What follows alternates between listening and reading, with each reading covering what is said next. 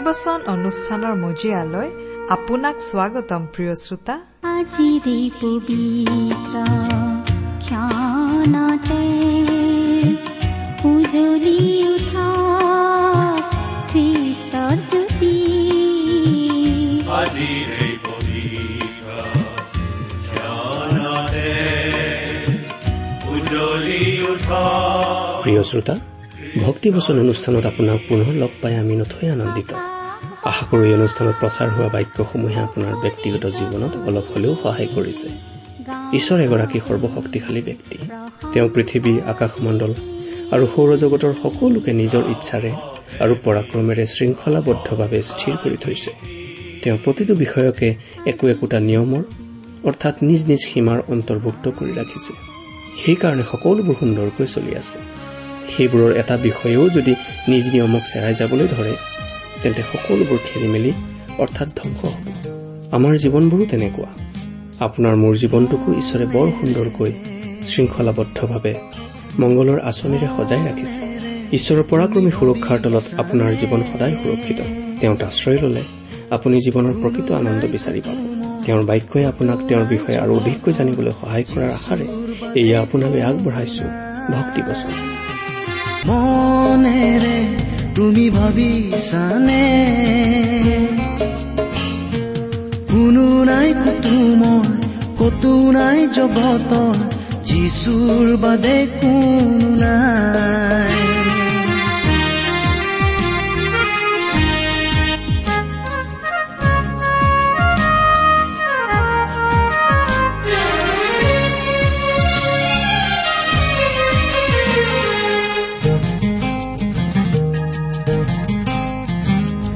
তেজৰ তানে নাৰাখে কাকো প্ৰেমৰ ভাষা।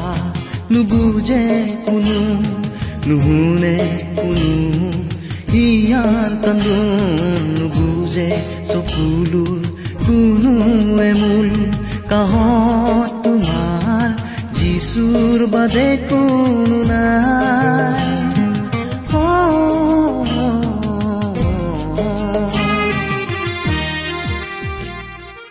আমাৰ পৰম পবিত্ৰ প্ৰভু যীশুখ্ৰীষ্টৰ নামত নমস্কাৰ প্ৰিয় শ্ৰোতা। আশা কৰো মহান পিতা পৰমেশ্বৰৰ মহান অনুগ্ৰহত আপুনি ভালে কুশলে আছে। লগতে এই বুলিও আশা কৰিছো যে আপুনি আমাৰ এই ভক্তিবচন অনুষ্ঠানটো নিয়মিতভাৱে শুনি আছে। প্ৰিয় শ্ৰোতা এই অনুষ্ঠান শুনি আপুনি কেনে পাইছে আমালৈ চিঠি লিখি জনাবচোন। আপোনালোকৰ পৰা চিঠি পত্ৰ পাবলৈ আমি আগ্ৰহেৰে বাট চাওঁ। আমাৰ যোগাযোগৰ ঠিকনাটো হয়তো আপোনাৰ মনত আছে। আহকচোন আজিৰ বাইবেল অধ্যয়ন আৰম্ভ কৰাৰ আগতে খন্তেক প্ৰাৰ্থনাত মূৰ দুৱাওঁ। স্বৰ্গত থকা অসীম দয়ালু পিতৃ ঈশ্বৰ তোমাৰ মহান নামৰ ধন্যবাদ কৰো। তুমি মহান তুমি কৰুণাময় তুমি অনুগ্ৰহৰ আকৰ। তোমাৰ অনুগ্ৰহতেই আজি আমি প্ৰভু যীশুত বিশ্বাস কৰি পৰিত্ৰাণ পাব পৰা হৈছো তোমাক পিতৃ বুলি মাতিব পৰা হৈছো। তুমি আমালৈ যিমান অনুগ্ৰহ দেখুৱাইছা তাৰ বাবে তোমাক ধন্যবাদ দি আমি শেষ কৰিব নোৱাৰো। এতিয়া প্ৰাৰ্থনা কৰিছো তোমাৰ মহান বাক্য বাইবেল শাস্ত্ৰৰ যোগেৰে তুমি আমাক কথা কোৱা। তোমাৰ মাত আমাক শুনিবলৈ দিয়া। কিয়নো এই প্ৰাৰ্থনা আমাৰ মহান ত্ৰাণকৰ্তা প্ৰভু যীশুখ্ৰীষ্টৰ নামত আগবঢ়াইছো।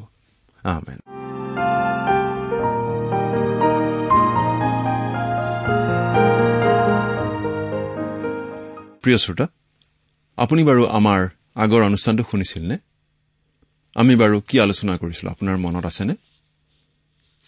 যদিহে আপুনি আমাৰ এই ভক্তিবচন অনুষ্ঠানটোৰ নিয়মীয়া শ্ৰোতা তেতিয়াহ'লে আপুনি নিশ্চয় জানে যে আমি আজি ভালেমান দিন ধৰি বাইবেলৰ পুৰণি নিয়ম খণ্ডৰ জিৰিমিয়া ভাৱবাদীৰ পুস্তক নামৰ পুস্তকখন অধ্যয়ন কৰি আছো।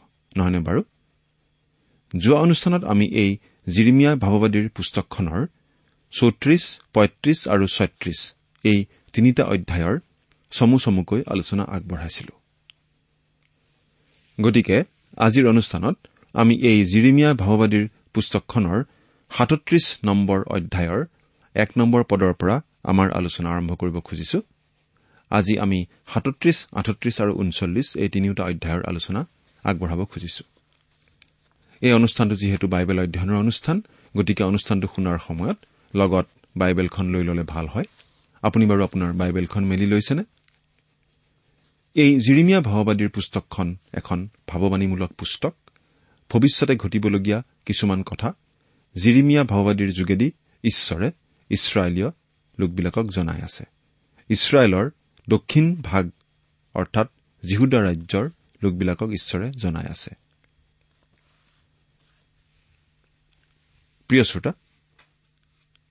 জিৰিমিয়াক লগ পাবৰে পৰা এই সময়লৈকে তেওঁৰ পৰিচৰ্যা জীৱনৰ ত্ৰিশটা বছৰ পাৰ হৈ গৈছে। তেওঁৰ বিশ বছৰ বয়সৰ সময়তেই আমি তেওঁক লগ পাইছিলো। পুৰোহিতৰূপে প্ৰভুৰ পৰিচৰ্যা কৰিবলৈ তেওঁ আমন্ত্ৰিত হৈছিল সেই ডেকা বয়সতেই। কিন্তু তথাপি তেওঁ প্ৰভুৰ ভাৱবাদীৰূপেহে কাৰ্যনিৰ্বাহ কৰিবলৈ ঈশ্বৰৰ নিৰ্দেশ পাইছিল। এই পঞ্চাছ বছৰ বয়সৰ কালত কাৰাগাৰত তেওঁ বন্দী জীৱন কটাইছিল। আনহাতে বাবিলৰ নবুখত নেজৰ ৰজাই তেওঁৰ সৈন্য সামন্তৰে সৈতে জিৰচালেম ধ্বংস কৰিবলৈ নগৰৰ দেৱালৰ বাহিৰত খাপ দি ৰৈ আছিল। তেওঁলোকে দীঘলীয়া ন দহ মাহ ধৰি দেৱালৰ বাহিৰত নগৰখন অৱৰোধ কৰি ধ্বংস কৰিবলৈ ৰৈ আছিল। এই বিষয়ৰ বিৱৰণ আমি কিছু অধিককৈ পাম পুস্তকখনৰ বাৱন্ন নম্বৰ অধ্যায়ত। আমাৰ অধ্যয়নৰ এই সাতত্ৰিশ নম্বৰ অধ্যায়টোত আমি দেখিবলৈ পাওঁ নবুখত ৰজাই তৃতীয়বাৰ আৰু শেষবাৰৰ কাৰণে আক্ৰমণ কৰিবলৈ আগবাঢ়ি আহিছে। আগৰ দুবাৰত তেওঁ কিছুমান যিহুদী মানুহ বন্দী কৰি নিজৰ দেশলৈ অৰ্থাৎ বাবিল দেশলৈ লৈ যায় আৰু চিডিকিয়া ৰজাক তেওঁৰ বহুতীয়া ৰজাৰূপে জিহুদাৰ ৰজা পাতি থৈ যায়। চিডিকিয়াই নবুখতনেশ্বৰ ৰজাৰ অধীনৰ পৰা অব্যাহতি পাবলৈ চেষ্টা কৰিছিল আৰু সেই উদ্দেশ্যে তেওঁ মিছৰৰ ফৰৌন ৰজাৰ সৈতে মিত্ৰ শক্তি গঠন কৰি নবুখতনেশ্বৰ ৰজাক ওফৰাবলৈ চেষ্টা কৰিছিল। ফৰৌন ৰজাই চিডিকিয়াক সহায় কৰিবলৈ আহিছিল যদিও তেওঁৰো অভিপ্ৰায় আছিল জিহুদাক নিজৰ অধীন ৰাজ্য কৰা।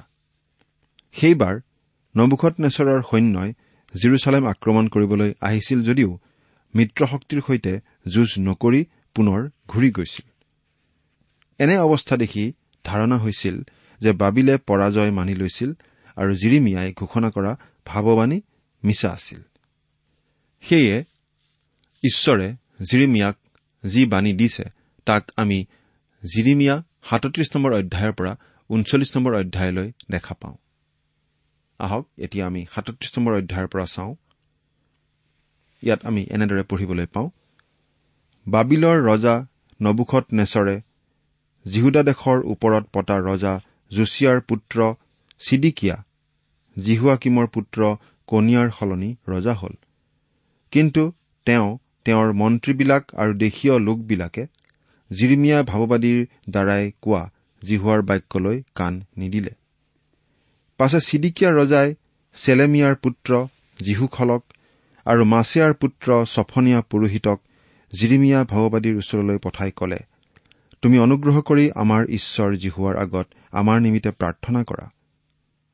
সেই সময়ত জিৰিমিয়াই লোকবিলাকৰ মাজত অহা যোৱা কৰিছিল কিয়নো সেই কালত তেওঁক বন্দীশালত বন্ধ কৰা নাছিল।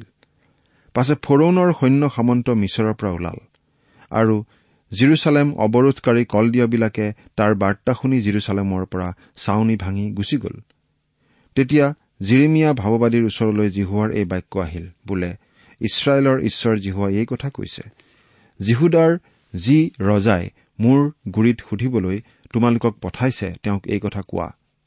চোৱা ফৰৌনৰ যি সৈন্য সামন্তই তোমালোকক সহায় কৰিবলৈ ওলাই আহিছে সিহঁত নিজ দেশ মিছৰলৈ উলটি যাব আৰু কলদিয়াবিলাকে পুনৰাই আহিব আৰু এই নগৰৰ অহিতে যুদ্ধ কৰি ইয়াক হাত কৰি লৈ জুইৰে পুৰিব। জিহুৱাই এইদৰে কৈছে। কলদিয়াবিলাক আমাৰ ওচৰৰ পৰা একেবাৰে গুচি যাব বুলি কৈ তোমালোকে তোমালোকক নুভুলাবা। কিয়নো সিহঁত একেবাৰে গুচি নাযাব। কাৰণ তোমালোকৰ অহিতে যুদ্ধ কৰা কলদিয়াবিলাকৰ গোটেই সৈন্য সামন্তক যদিও তোমালোকে একেবাৰে প্ৰহাৰ কৰা আৰু সিহঁতৰ মাজৰ খুন হোৱা লোক মাথোন অৱশিষ্ট থাকে তথাপি সিহঁত প্ৰতিজনে নিজ নিজ তম্বুত উঠিব আৰু এই নগৰ জুই দি পুৰিব। কলদিয়াবিলাকৰ সৈন্য সামন্তই যি সময়ত ফৰৌনৰ সৈন্য সামন্তৰ ভয়ত জিৰচালেমৰ পৰা চাউনি ভাঙি উঠি গৈছিল সেই সময়ত জিৰিমিয়াই বিন্নামিন প্ৰদেশত লোকবিলাকৰ মাজত থকা তেওঁৰ ভাগ লবৰ মনেৰে তালৈ যাবলৈ জিৰচালেমৰ পৰা ওলাইছিল। পাছে যেতিয়া তেওঁ বিন্নামিন নামেৰে বৰ দুৱাৰ পালেগৈ তেতিয়া সেই ঠাইত হননিয়াৰ নাতিয়েক চেলেমিয়াৰ পুতেক জিৰিয়া নামেৰে দুৱৰীৰ এজন অধ্যক্ষ আছিল। তেওঁ জিৰিমিয়া ভাওবাদীক ধৰি কলে তুমি কলদিয়াবিলাকৰ ফলীয়া হবলৈ গৈছা। তাতে জিৰিমিয়াই কলে এইয়ে মিছা কথা মই কলদিয়াবিলাকৰ ফলীয়া হবলৈ নাযাওঁ। তথাপি জিৰিয়াই তেওঁৰ কথা নুশুনি তেওঁক ধৰি প্ৰধান লোকবিলাকৰ গুৰিলৈ লৈ গ'ল। সেই প্ৰধান লোকবিলাকে জিৰিমিয়ালৈ ক্ৰুদ্ধ হৈ তেওঁক কোবাই জোনাথন লিখকৰ ঘৰত থকা বন্দীশালত পেলাই থলে কিয়নো তেওঁবিলাকে তাকেই বন্দীশাল কৰিছিল। জিৰিমিয়াই কাৰা কোপত আৰু সৰু সৰু কোঠালীবোৰত সোমাই সেই ঠাইত ভালেমান দিন কটালত চিডিকিয়া ৰজাই মানুহ পঠাই তেওঁক অনালে আৰু ৰজাই নিজৰ ঘৰত তেওঁক গুপুতে সুধিলে বোলে জিহুৱাৰ পৰা অহা কোনো বাক্য আছেনে? তাতে জিৰিমিয়াই কলে আছে। তেওঁ আৰু কলে আপোনাক বাবিলৰ ৰজাৰ হাতত সোধাই দিয়া হ'ব। জিৰিমিয়াই চিডিকিয়া ৰজাক আৰু কলে আপোনাৰ বা আপোনাৰ পাত্ৰমন্ত্ৰীবিলাকৰ বা এই লোকবিলাকৰ বিৰুদ্ধে মই কি অপৰাধ কৰিছো যে আপোনালোকে মোক বন্দীশালত পেলাই দিছে? আৰু বাবিলৰ ৰজা আপোনালোকৰ বা এই দেশৰ বিৰুদ্ধে নাহিব এই বুলি কৈ আপোনালোকৰ আগত ভাৱবাণী প্ৰচাৰ কৰা আপোনালোকৰ ভাৱবাণীবোৰ এতিয়া কত? এতিয়া হে মোৰ প্ৰভু মহাৰাজ অনুগ্ৰহ কৰি শুনক। মই জোনাথন লিখকৰ ঘৰত যেন নমৰো এই নিমিত্তে আপুনি সেই ঠাইলৈ মোক আৰু নপঠাব। বিনয় কৰো মোৰ এই মিনতি আপোনাৰ আগত গ্ৰহণ হওক। প্ৰিয় শ্ৰোতা জিৰচালেম নগৰখন ধ্বংস কৰিবলৈ ঈশ্বৰৰ যি সিদ্ধান্ত সেই সিদ্ধান্ত অলৰ আছিল। বাবিলৰ সৈন্যসমূহ আঁতৰি গুচি গৈছিল সঁচা কিন্তু তেওঁলোক পুনৰ ঘূৰি আহি জিৰচালেম যে ধ্বংস কৰিব তাৰেই ভাৱবাণী সাতত্ৰিশ নম্বৰ অধ্যায়টোত ঈশ্বৰে তেওঁৰ দাস জিৰিমিয়াৰ যোগেদি দিছে। জিৰিমিয়া এবাৰ দুবাৰকৈ পাঁচবাৰেই বন্দী হোৱাৰ বিৱৰণ আমি জিৰিমিয়া পুস্তকখনত পাওঁ। এই অধ্যায়তো আমি পাওঁ সাতত্ৰিশ নম্বৰ অধ্যায়ৰ একৈশ নম্বৰ পদত। এইবাৰ তেওঁ বন্দী হৈছিল এই কাৰণতেই যে তেওঁ চিডিকিয়া ৰজাক ফৰৌনৰ সৈতে মিত্ৰতা নাপাতি বাবিলৰ নবুখত নেজৰ ৰজাৰ হাতত নিজকে সমৰ্পণ কৰিবলৈ ঈশ্বৰৰ আদেশ তেওঁক জনাইছিল। বাবিলিয়াসকলে জিৰচালেম আক্ৰমণ কৰিবলৈ আহিছিল ঠিকেই কিন্তু জিহুদা ফৰৌনৰ সৈতে মিত্ৰ হোৱাৰ কথা জানি সেইবাৰলৈ তেওঁলোক ঘূৰি গুচি গৈছিল। তেতিয়া জিৰচালেমৰ দুৱাৰবোৰ মুকলি কৰি দিয়া হৈছিল আৰু তেনে সময়তে জিৰিমিয়াই জিৰচালেমৰ পৰা ওলাই নিজৰ স্থান অনাথোতলৈ যাবলৈ ওলাইছিল। কিন্তু জিৰিমিয়াই জিহুদাৰ শত্ৰুসকলক লগ পাবলৈ যোৱা বুলিহে জনৰব উলিওৱা হল। সেয়ে নগৰৰ দুৱাৰৰ প্ৰহৰী এজনে সেই দুখতেই জিৰিমিয়াক ধৰি বিচাৰকসকলৰ ওচৰলৈ লৈ যায় আৰু বিচাৰকসকলে অনাহকতেই বিনা প্ৰমাণতেই জিৰিমিয়াক খং কৰি জোনাথন লিখকৰ ঘৰত বন্দী কৰি ৰাখে। এইবাৰ বেচেৰা জিৰিমিয়াই মাৰ কিলো খাবলগীয়া হৈছিল নেতাসকলৰ হাতত। তেওঁক বন্দীশালত থোৱা হৈছিল। কিন্তু কিমান দিনলৈ সেই বিষয়ে কোৱা হোৱা নাই। কেৱল বহুদিন ধৰি বন্দী হৈ আছিল বুলি কোৱা হৈছে। এইদৰে জিৰিমিয়াই বৰ কষ্ট খাবলগীয়া হৈছিল। কিন্তু ঈশ্বৰে তেওঁক পাহৰি পেলোৱা নাছিল। চিডিকিয়া ৰজাৰ অন্তৰত ঈশ্বৰে কাম কৰিছিল আৰু সেয়ে ৰজাই তেওঁক বন্দীশালৰ পৰা মতাই অনাইছিল। ঈশ্বৰৰ পৰা তেওঁৰ ক্ষেত্ৰত কিবা মংগলৰ বাতৰি আছে নেকি তাকে জানিবলৈ। কিন্তু তেতিয়াও ঈশ্বৰৰ ভাৱবাদীয়ে ঈশ্বৰৰ কথাকেই চিডিকিয়াক জনাইছিল। তেওঁ কৈছিল যে তেওঁ কলদিয়াসকলৰ হাতত সমৰ্পিত হ'ব। তাৰ পাছত ৰজাই তেওঁক বন্দীশালৰ পৰা এৰি নিদিলেও জোনাথন লিখকৰ হাতৰ পৰা ৰক্ষা কৰাৰ দৰে কৰিলে। তাৰ পাছত বাবিলে পুনৰ আক্ৰমণ কৰি জিৰচালেম নিজৰ অধীন নকৰা দিনলৈকে বেচেৰা জিৰিমিয়া বন্দীশালতেই পৰি থাকিল। তাতে চিডিকিয়া ৰজাই আজ্ঞা দিয়াত লোকবিলাকে জিৰিমিয়াক প্ৰহৰীৰ চোতালত ৰাখিলে।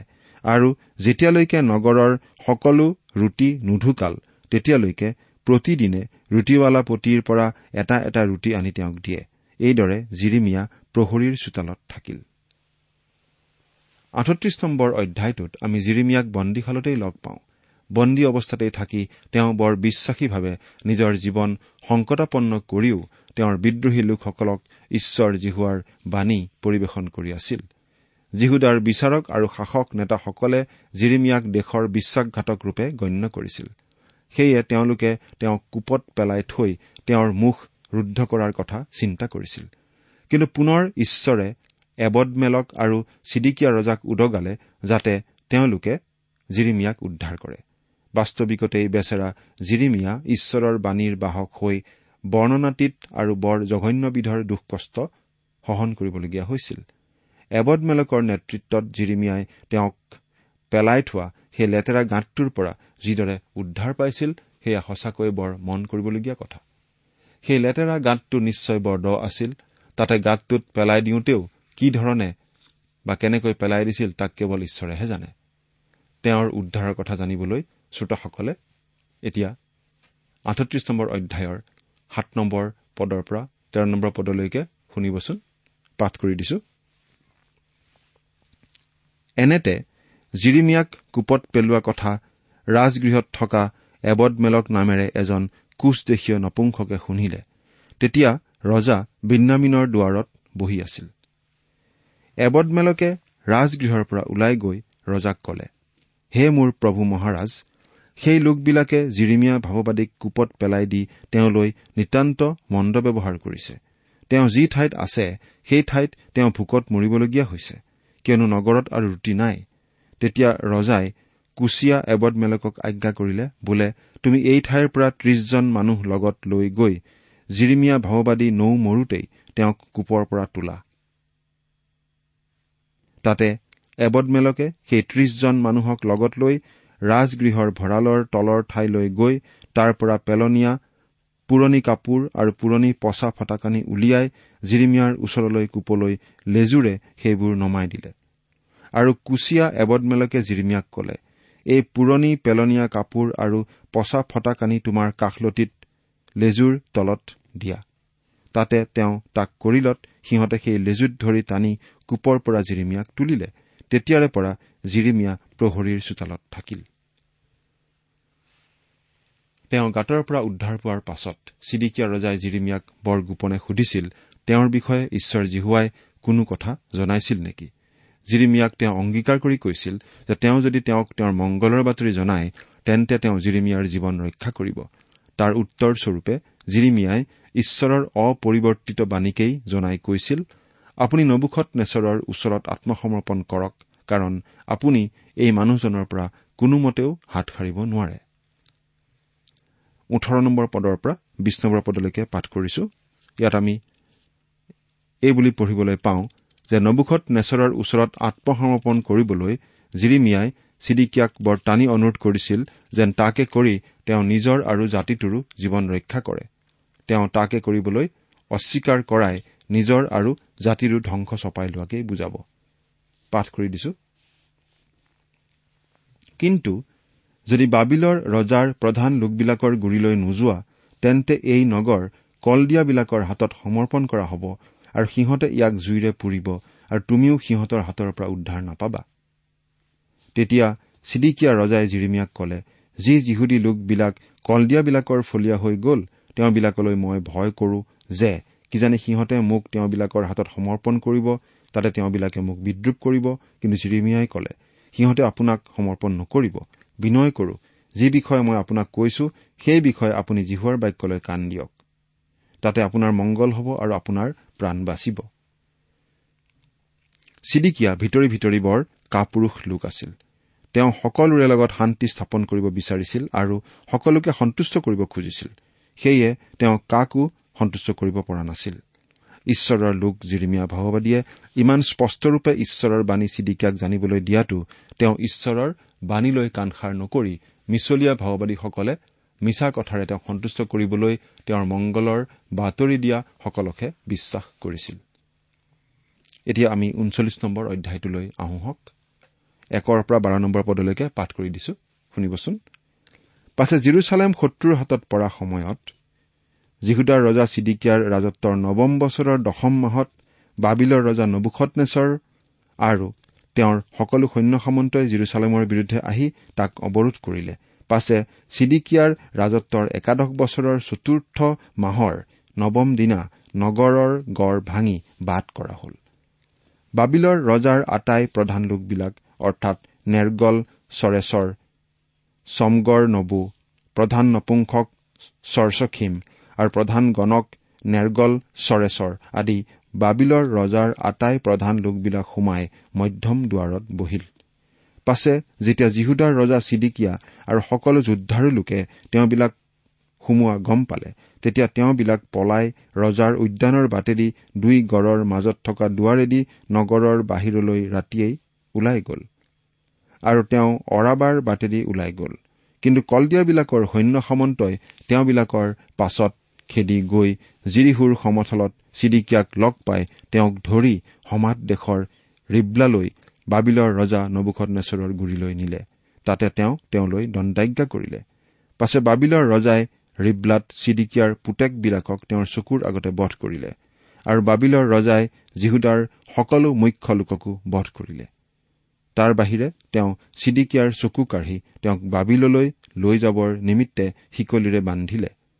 পাছে কলদিয়াবিলাকে ৰাজগৃহ আৰু প্ৰজাবিলাকৰ ঘৰবোৰ জুই দি পুৰিলে আৰু জিৰচালেমৰ ঘৰবোৰ ভাঙি পেলালে।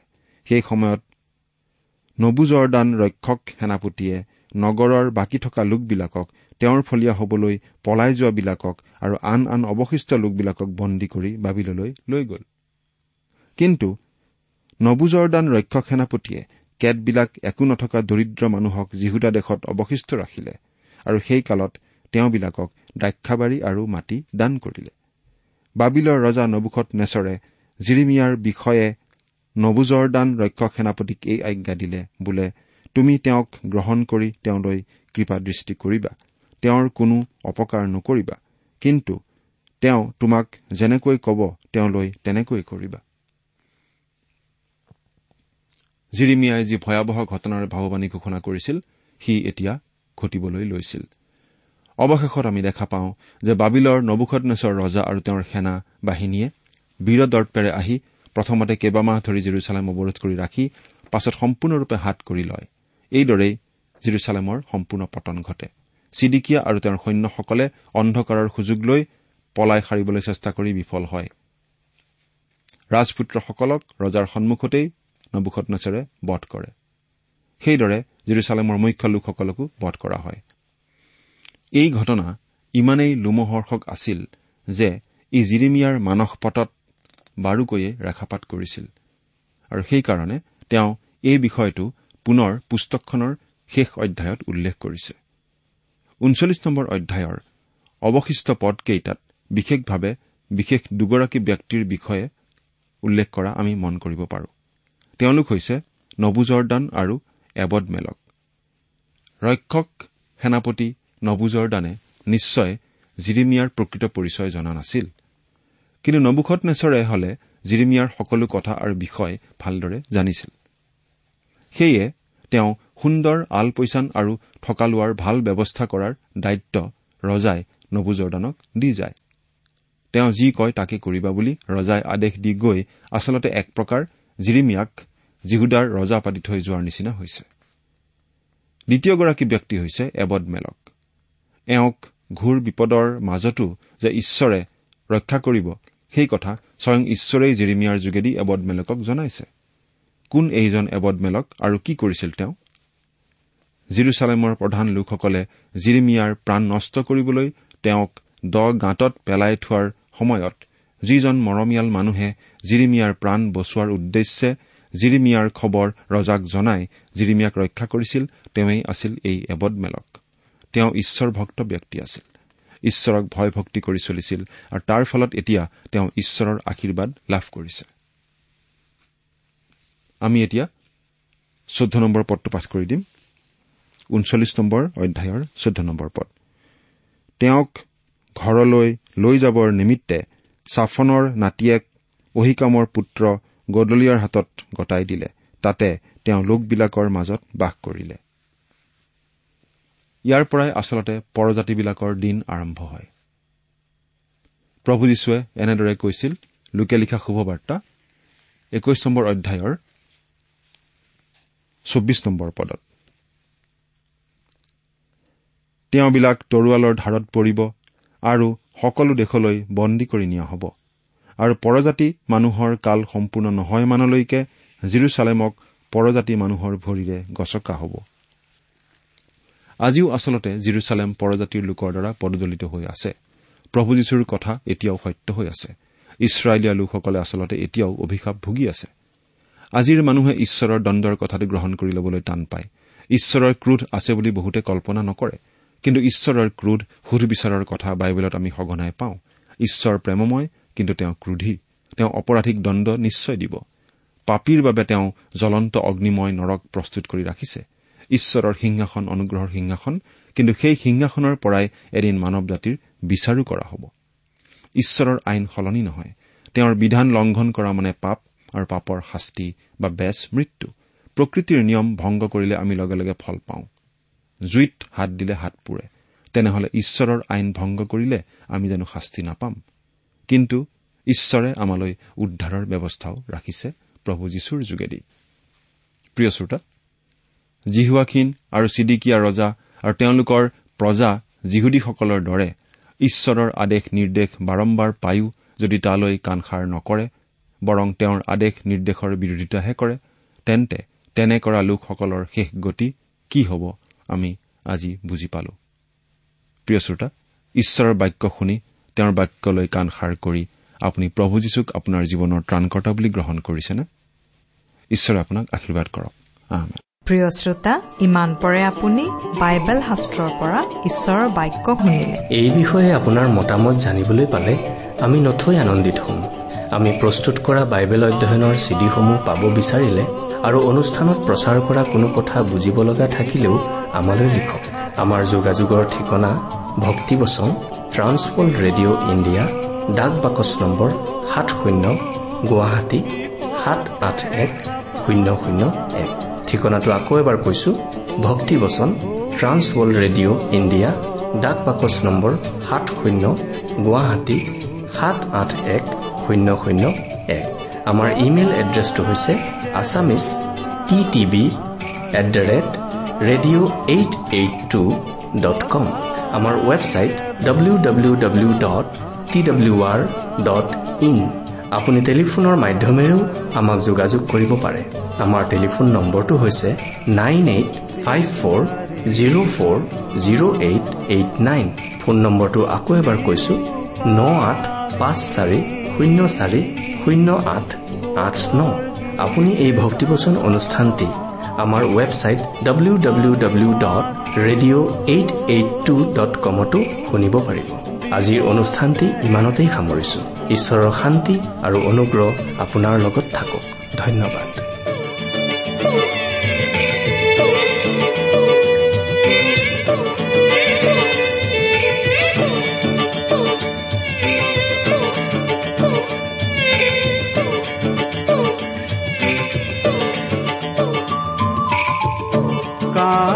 सारी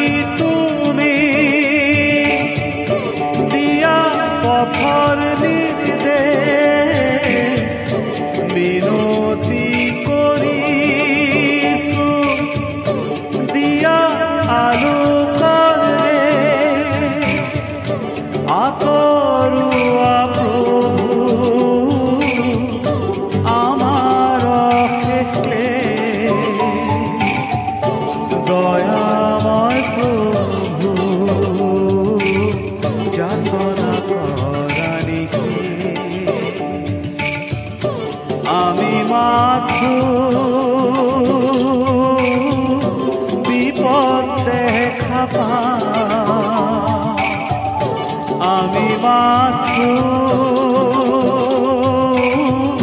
বিপদ দেখা অতীত